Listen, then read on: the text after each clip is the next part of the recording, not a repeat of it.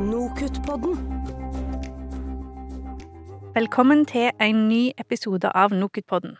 I dag skal vi få høre om et forskningsprosjekt som handler om hukommelse og studieteknikk, og dette er nok et tema som er relevant for alle studieprogrammer.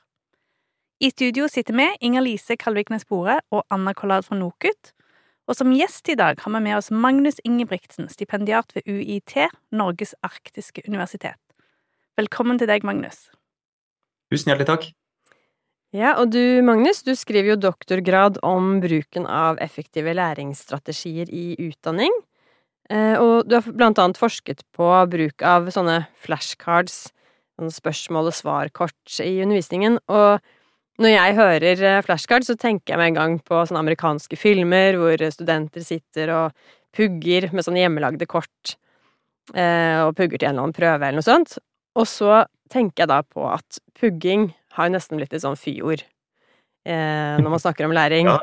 Så lurte jeg på om du kan si litt om eh, hvordan Altså hvorfor er pugging og repetisjon så viktig, eller hvordan er det hjernen liksom funker for å huske fakta? Ja, det er, um, det er et stort spørsmål. Bakgrunnen min er jo i, um, i kognitiv psykologi. Og vi tenker jo om læring kanskje litt annerledes enn noen på en måte andre eh, fagfelt gjør. Og spesielt da så handler I mitt fagfelt da så tenker vi mye på læring som en slags kombinasjon av det å rette oppmerksomhet mot de riktige tingene, da, så f.eks. å velge ut det som er viktig å lære seg, kontra det å bli distrahert av alt mulig annet rart. Og når vi har fått retta oppmerksomheten mot den tingen som er riktig eller viktig å øve på eller lære, så handler det om to ting, egentlig. Det ene handler om å forstå det. Og det å forstå betyr egentlig at vi klarer å integrere ny kunnskap i en slags meningsfull sammenheng eller forståelse med det vi har lært tidligere. Vi har masse eksperimenter som viser det at når en person lærer noe nytt, så er sannsynligheten for at de husker det mye større hvis de forstår det, og den forståelsen der er stort sett avhengig av hva kan de fra før av om det temaet. Så man har det som man kaller for en sånn de rike blir rikere-effekt av læring, der at jo mer du kan om et tema, jo lettere er det å lære nye ting. Og så er det den måte, tredje komponenten her, da, som er det at når vi har retta oppmerksomheten riktig plass, vi har forstått det, så er spørsmålet, og det som veldig ofte vi studenter plages litt med, er hvordan skal jeg få til å huske det? Fordi at det er ikke nok å se en ting en gang, eller å få en god forklaring en gang. Vi må jo også kunne gjenhente den informasjonen eller den kunnskapen på et senere tidspunkt, og gjerne i en annen kontekst enn der vi lærte det. Vi vet f.eks. fra forskninga på hukommelse at læring er veldig kontekstavhengig. Altså Hvis du sitter i et klasserom og lærer en ting, så er det lettere å komme på den tingen når du sitter i det samme klasserommet med de samme tingene rundt deg, enn hvis du f.eks. var ute i skogen og gjorde noe helt annet. Fordi at minnene våre integrerer seg med alt som er rundt oss, både følelsene våre og omgivelsene våre. Så derfor så er læring en ganske kompleks prosess. Men, men det vi forsøker da å se på, er at vi tenker det at studenter, når de skal lære, de dirigerer veldig mye ut av denne reisa her sjøl. De får ofte et tilbud om forelesninger, kanskje noen seminarer, og så får de pensumlitteratur eller undervisningsvideoer. Det studenter ofte da gjør, er at de bruker, eller vi bruker, alle mennesker egentlig, bruker en slags sånn teknikk eller verktøy i tillegg til bare det å lese, for å hjelpe seg sjøl til å både huske og forstå den informasjonen. Og Forskninga på læring og hukommelse har i mange mange år vist at noen av de tingene som folk gjør, f.eks. det å skrive sammendrag eller det å bruke markeringstusj eller det å eh, lese den samme tingen to eller tre ganger, funker veldig dårlig. Mens de tingene som fungerer veldig mye bedre, er det som kalles for gjenhentingsøvelse, altså at man prøver aktivt på å komme på det man har lært, og det å repetere noe. Og nå var du inne på en liten ting i innledninga di, som er denne repetisjon kontra pugging. Hva er det for noe, og hvorfor er det Eller jeg legger i hvert fall en veldig stor forskjell på de to. Så jeg kan oppklare det litt. Fordi at forskninga på eh, læring starta hele veien tilbake, eller hukommelse egentlig, starta hele veien tilbake til 1885, der en, eh, en eksperimentalpsykolog satt og pugga meningsløse trebokstavskombinasjoner. Det han egentlig oppdaga, han mannen som undervises om på alle introkurs i hukommelse over hele verden i psykologi, eh, han Herman Ebbinghaus, han oppdaga det at hvis han lærte ei ny liste med sånne meningsløse eh, trebokstavskombinasjoner, så glemte han nesten alt sammen, bare så lite som 10-15 minutter etterpå.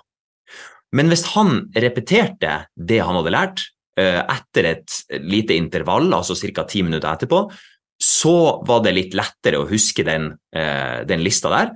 Og det som kalles for glemselskurven, ble da slakere. Så hvis du tenker på det som han Ebbinghaus egentlig oppdaga, så var han, han var ikke så opptatt av den spesifikke læringa, han var mer opptatt av den glemselen som skjer. Hvordan kan vi motvirke og bremse glemsel? Og det han fortsatte med å gjøre i eksperimentene sine da, var med å legge inn lengre og lengre intervaller mellom disse repetisjonene. Så det betyr at istedenfor å f.eks.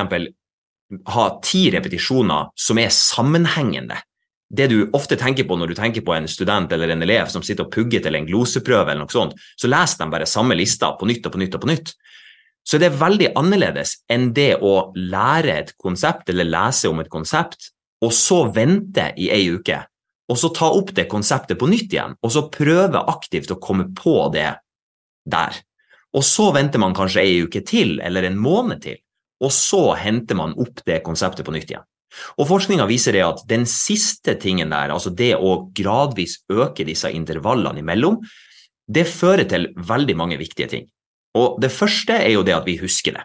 Vi, det er mye mer sannsynlig at vi husker noe på lang sikt når vi har repetert det med god avstand imellom, kontra det å ha pugga det ti ganger i løpet av én dag og så lagt det helt bort og så ikke se på det igjen. Eh, det andre er det at vi ser at forskninga viser at den læringa som vi gjør når vi sprer læringa utover i tid på den måten der, den gjør at læringa blir mindre kontekstavhengig, altså at det er lettere å overføre det til nye situasjoner. Og det er jo kjempeviktig. Vi har jo ikke lyst til at studentene skal bare pugge seg til noe de siste fem dagene på en eksamen, komme inn, gulpe opp alt de har lært, og så skal de gå ut, og så glemmer de alt sammen. Men forskninga viser jo det at det er i ganske stor grad noe som skjer i veldig mange ulike emner. Og det vi da ønsker, er jo at de skal kunne huske det over lang tid, men også overføre det inn i en arbeidssituasjon.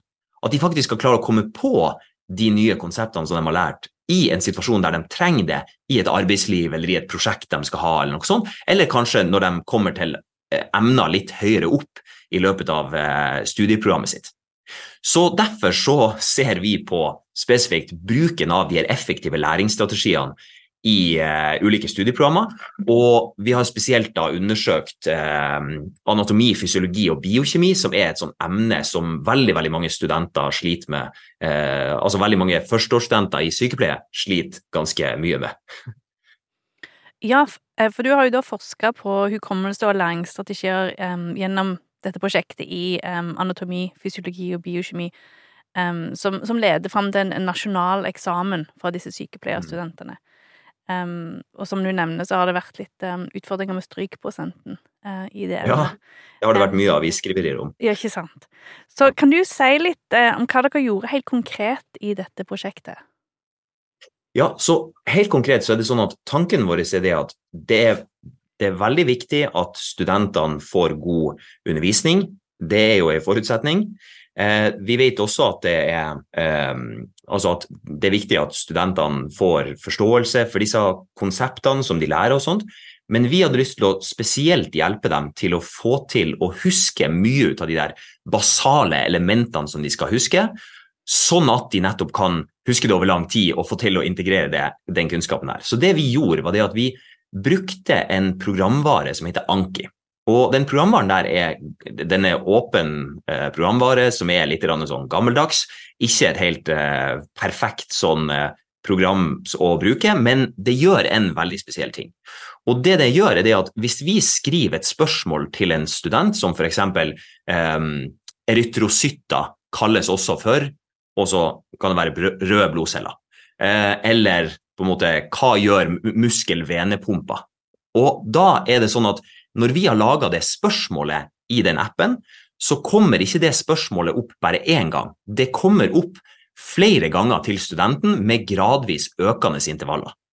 Og det gjør to ting. Det ene er det at studenten må øve på de grunnleggende konseptene flere ganger. De må aktivt gjenhente svaret på de spørsmålene som vi har lagt inn, og de må repetere det med de her gradvis økende intervaller.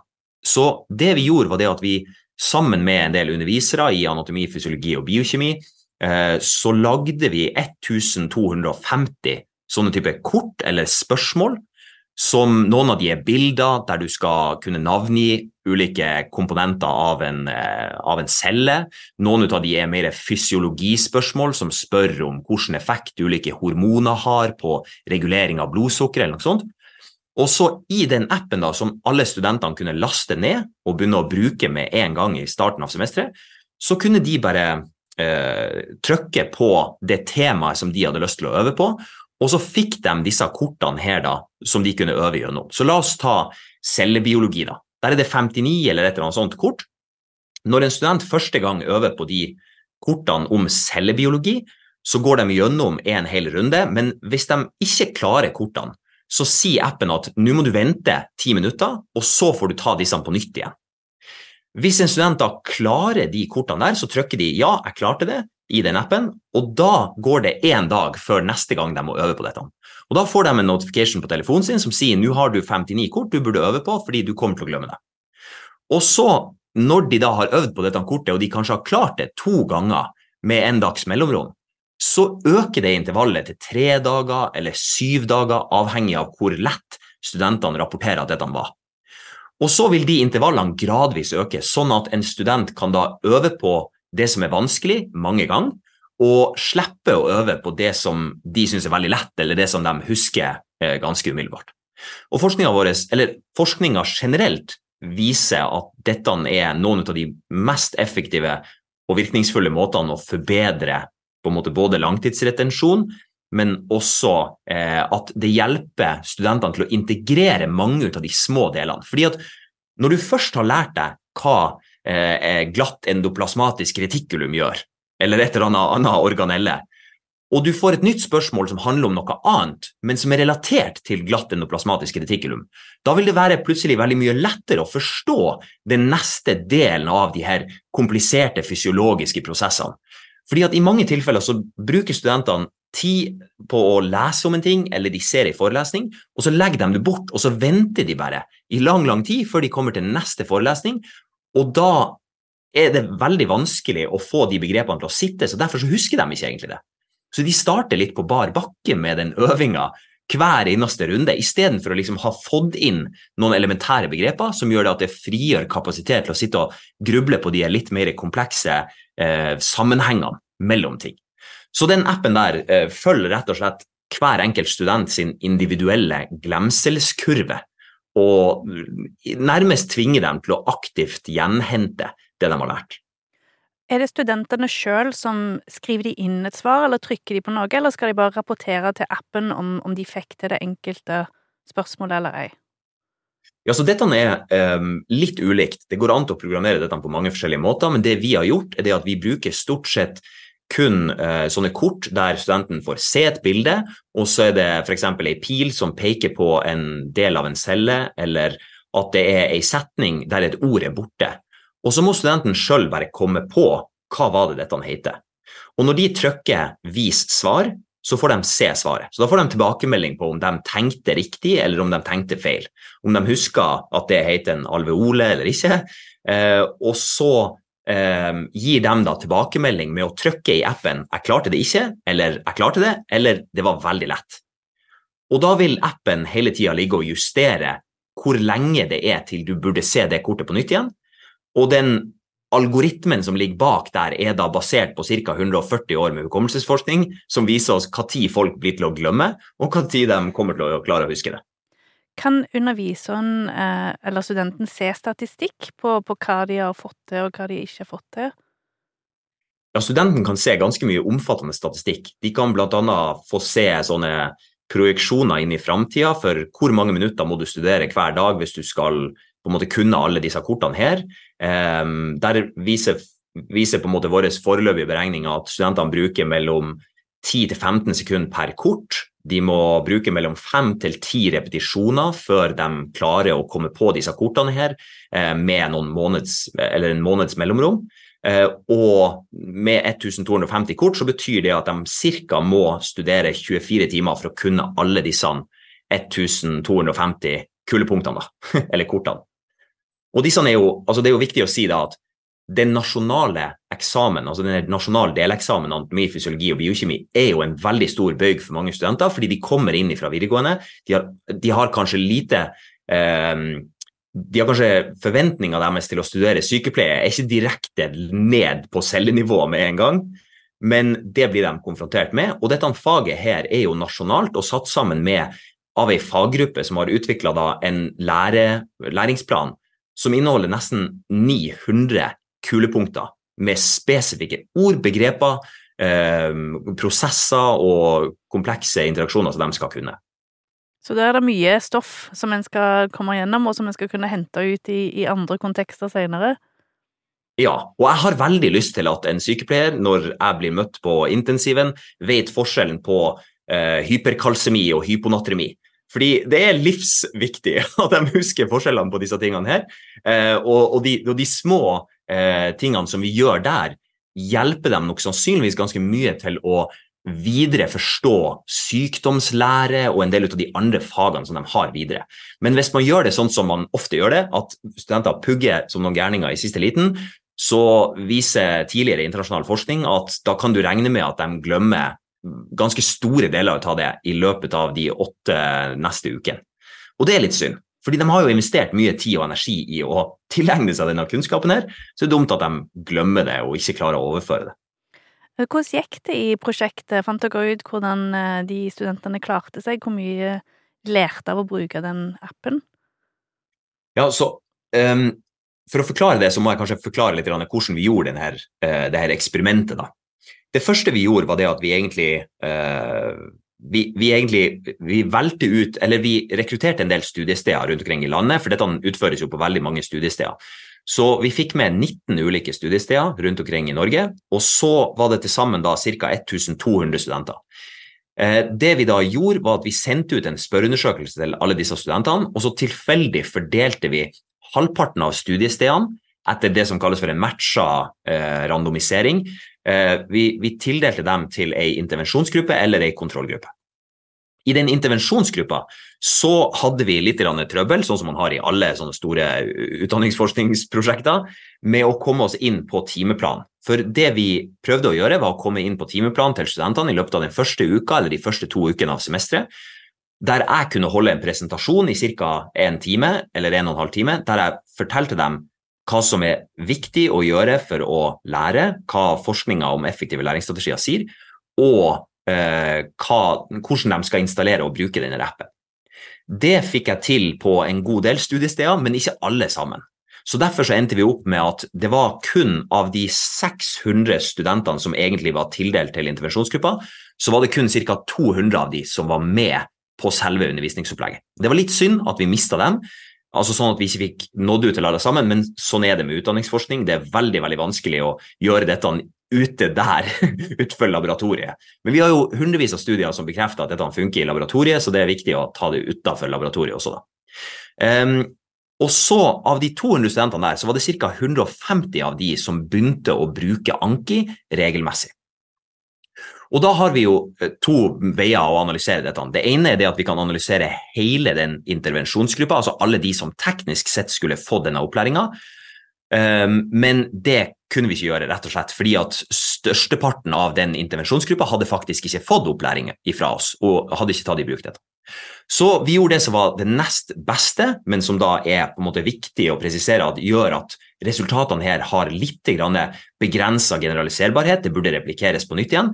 Men det vi da gjorde, var det at vi undersøkte om den gruppa som hadde begynt å bruke Anki, om det var de der typiske flinkisene. Fordi Det ville vært litt sånn typisk at de flinke studentene, de som har gode karakterer fra videregående, eller noe sånt, er de som tar i bruk sånt verktøy med en gang, og derfor så vil de få bedre karakterer. Heldigvis for oss så er det sånn at vi hadde bakgrunnsdata som, som eh, bl.a. Sikt hadde hjulpet oss med å koble på, og vi har fått data fra NOKUT som gir oss nøyaktige karakterpoeng til hver enkelt student. Eh, og da kunne vi bruke de eh, dataene der for å se om det var forskjell på den på måte, kontrollgruppa vår, så de som burde fått intervensjon, og de som faktisk brukte Anki. Og Der var det ingen signifikante forskjeller, så det betyr det at det var ikke bare flinkisene som tok i bruk dette, det var, eh, det var alle mulige typer studenter. Og Da brukte vi jo videregående karakterer for å se på akkurat det. Og Det som vi fikk da som resultat, som jeg syns er veldig veldig lovende, det var at disse studentene her ble løfta eh, nærmere et halvt standardvik på nasjonal eh, deleksamen i anatomi, fysiologi og biokjemi, som egentlig ligger på altså Det varierer litt om vi kontrollerer for effekten av videregående karakterer og tar med andre ting, sånn som realfagspoeng i denne, um, i denne uh, altså statistiske modellen vi bruker. Men det løfter studentene mellom seks til åtte poeng på nasjonal deleksamen. Og Det er en eksamen som går fra 0 til 100 poeng. Og den eksamen der har ei strykgrense på jeg tror det var 45 poeng. Og de der, eh, de der 6 til 7 eh, til 8 poengene, det er ganske betydningsfullt som en effekt på en sånn type eksamen. Det har vært gjort mange intervensjoner tidligere som har liksom prøvd lignende Eller ikke prøvd lignende ting, men utdanningsintervensjoner generelt, når man prøver å gjøre sånne type ting, bruker ikke å ha veldig stor effekt. Så den effekten vi fikk, er ganske stor. Og den, den kan vi sammenligne da med hvor mye det har å si. Hvis du sammenligner med hvor mye har det å si på nasjonal deleksamen at man går opp en hel karakter fra videregående, eller at man får et ekstra realfagspoeng, f.eks. med at man har tatt eh, biologi 1 og biologi 2 på videregående. Fordi NOKUT har gjort noen analyser på dette tidligere og ser at karakterer fra videregående og eh, realfagspoeng, altså om du har tatt biologi og matte og, og kjemi, det er de, de viktige forklaringsvariablene bl.a. på hvordan du gjør det på denne eksamen. Og Der ser vi det at intervensjonen vår, altså det å ha brukt Anki, det hadde like stor effekt som omtrentlig to realfagspoeng.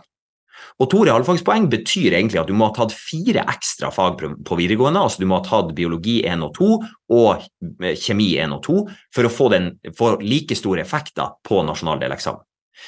Um, I tillegg så ser vi det at det er sammenlignbart med nesten å gå opp 0,7 i snitt på karakteren din fra videregående. Altså fra f.eks. Å, å ha et snitt på 4 til å ha et snitt på 4,7 på uh, videregående. Og det er en ganske betydelig hopp. da. Det skal mye til for å få alle de femmerne istedenfor alle de firerne der på videregående. Så, så langt med på en måte det lille forbeholdet om at når man gjør en sånn intervensjon, så er den ikke lenger ren eksperimentell når ikke alle sammen tvinges til å bruke det. Så Derfor så må man tolke disse resultatene litt forsiktig, men vi har kontrollert for veldig mange tidligere faktorer, som f.eks. hvor mye tid bruker dem. Det hadde ingenting å si altså i vår modell når vi la inn karakterer fra videregående og sånt. Vi kontrollerte også om andelen undervisningsvideoer de hadde sett, eh, var en viktig faktor. Eh, når vi kontrollerer for videregående karakterer og eh, intervensjonen vår, så har ikke det noe å si. Og det har heller ikke noe å si hvor stor andel av pensum de hadde lest. Så det vi har av data, viser det at det er ganske betydningsfull effekt av det å jobbe aktivt med å framhente stoffet eller å gjenhente det, kontra det å på en måte bare delta i undervisning eller se en video eller lese. Alle de tingene der er viktige, og, og det trenger vi for å få den forståelsen. Men alene så har det ikke like stor effekt. Jeg håper det var en forståelig forklaring. Det var en ganske lang forklaring. Fantastisk interessant. ja. Um, ja, det høres jo ut som det er et verktøy som er veldig enkelt å bruke. Uh, det er jo og samtidig så utrolig effektivt, da. Uh, og da er det sikkert veldig mange lyttere nå som får lyst til å teste dette ut. Har du noen tips til de eh, underviserne som har lyst til å, at studentene skal benytte seg av noe lignende verktøy? ja, vi kan starte med et par advarsler. Nummer én er det at forskninga på de her læringsstrategiene, altså den kombinasjonen av å ha avstand mellom repetisjoner og det å aktivt hente ut, viser det at det fører til en følelse av at man lærer mindre. Så følelsen som studentene sitter med når de må jobbe for å komme på ting, er at dette funker dårligere enn andre ting. Men heldigvis da, så får de jo se resultatene etter hvert, når de begynner å få det til. da. Så det motvirker kanskje litt det. Men det kan være litt av grunnen til at studenter ofte tenderer til å bruke mye sånn sammendrag og bare lese den samme tingen på nytt igjen. Fordi at det føles lettere ut. Og spesielt hvis du sitter med ei åpen bok og skriver et sammendrag, så føles det ganske enkelt ut. Du overfører bare tekst fra ei side til ei annen. Ehm, så det er en liten advarsel at det kommer ikke nødvendigvis til å gjøre at studentene føler seg superfornøyd med læringa, men heldigvis så kan vi jo fortelle studentene om dette, og så kan de forstå da at ok, forskninga viser dette, og det kommer til å føles litt mer strevsomt ut, men det funker på, på lang sikt.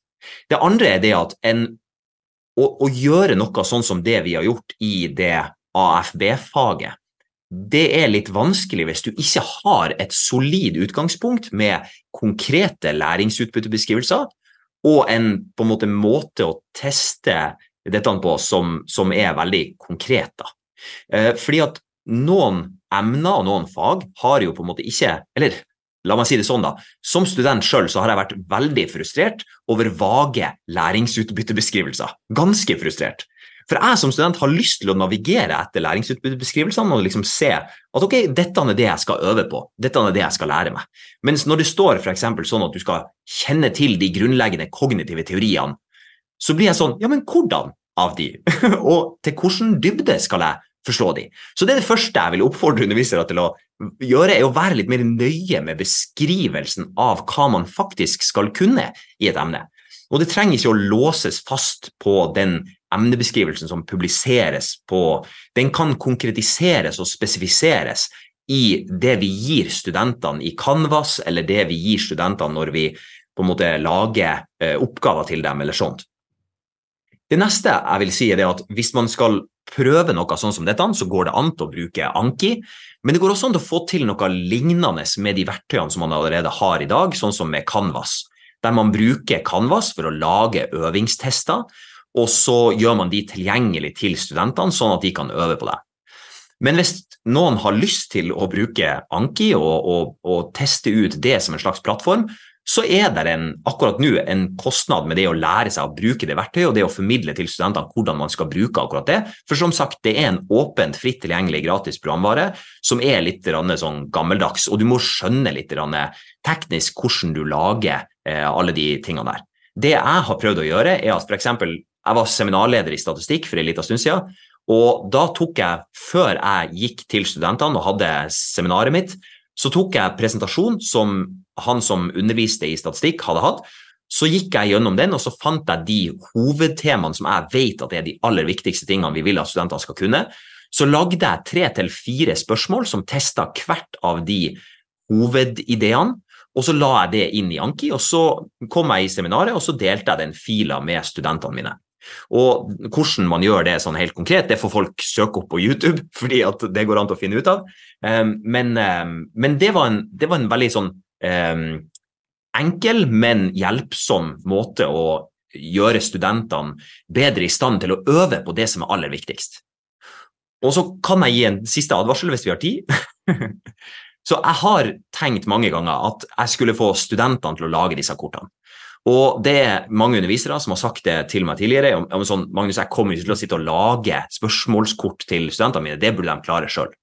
Men problemet er det at når du kan veldig lite om et fag, så er det veldig vanskelig å skrive gode spørsmål som går rett i kjerna på det som er aller viktigst i det emnet. Så jeg har flere eh, forsøk prøvd å få studenter til å skrive disse, og endte opp med veldig dårlige spørsmålskort som tester irrelevante ting, som, tester, som beskriver ting kanskje til og med på feil måte, og som er litt risikabelt, da, for at studentene ender opp med å øve veldig mye på ting som ikke har noe med saken å gjøre, eller ting som er feil. Og noe av det de finner på nett, er så som så ut av informasjon. Så jeg tror at det er viktig at uh, vi studentene kommer litt på banen og hjelper studentene til å navigere akkurat dette. Fordi at hvis de skal studere effektivt, og de bruker tross alt mer enn 50% av tida si i høyere utdanning på egenstudier, uh, så er det viktig at vi hjelper dem til å navigere det der, med å bl.a. Eh, hjelpe dem også til å lage øvingsspørsmål som de kan øve på. Supert. Det er litt fristende å spørre deg også om du kan snike noen tips til studentene også? Nå som vi har en som er god på effektive læringsstrategier her? ja, um, så studentene skjønner vel kanskje ganske fort at jeg er opptatt av at underviserne skal være tydelige med hva man skal kunne, hva man skal lære. Og når man har lært det, så er det viktig, eller når man har funnet det, så er det viktig å tenke um, litt grann egentlig sånn som spesifisitetsprinsippet i idretts- og, og sånn eh, treningslære. Hvis du skal bli god på å springe 3000 meter, så er det ikke veldig nyttig å legge ut på 10 000 meter svømming. Altså Det kan hjelpe deg, du får overført litt ut av den kondisjonen der til 3000 meter løping, men hvis du skal bli god på 3000 meter løping, så er det lurt å øve på 3000 meter løping.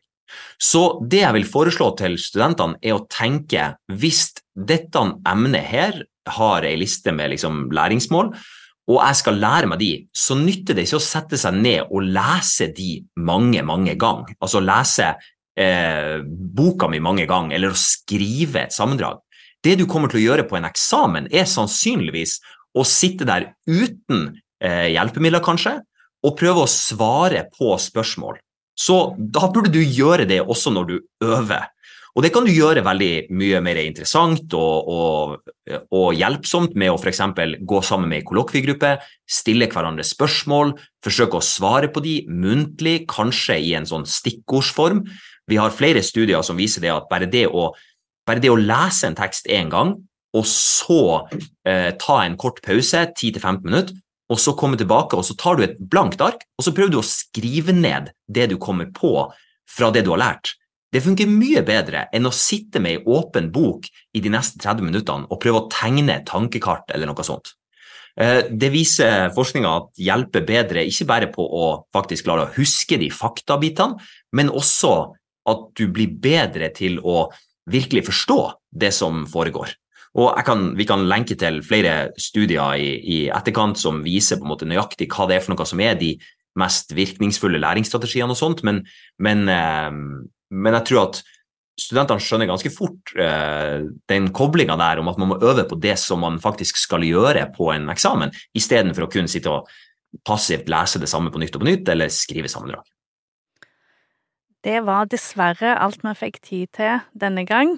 Eh, vi skal lenke til eh, noen ressurser i eh, teksten som følger med podden. Og nå fikk vi jo med både tips til undervisere og tips som de kanskje kan dele med studentene sine. Tusen takk til Magnus Ingebrigtsen fra UiT, og tusen takk for oss. På gjenhør.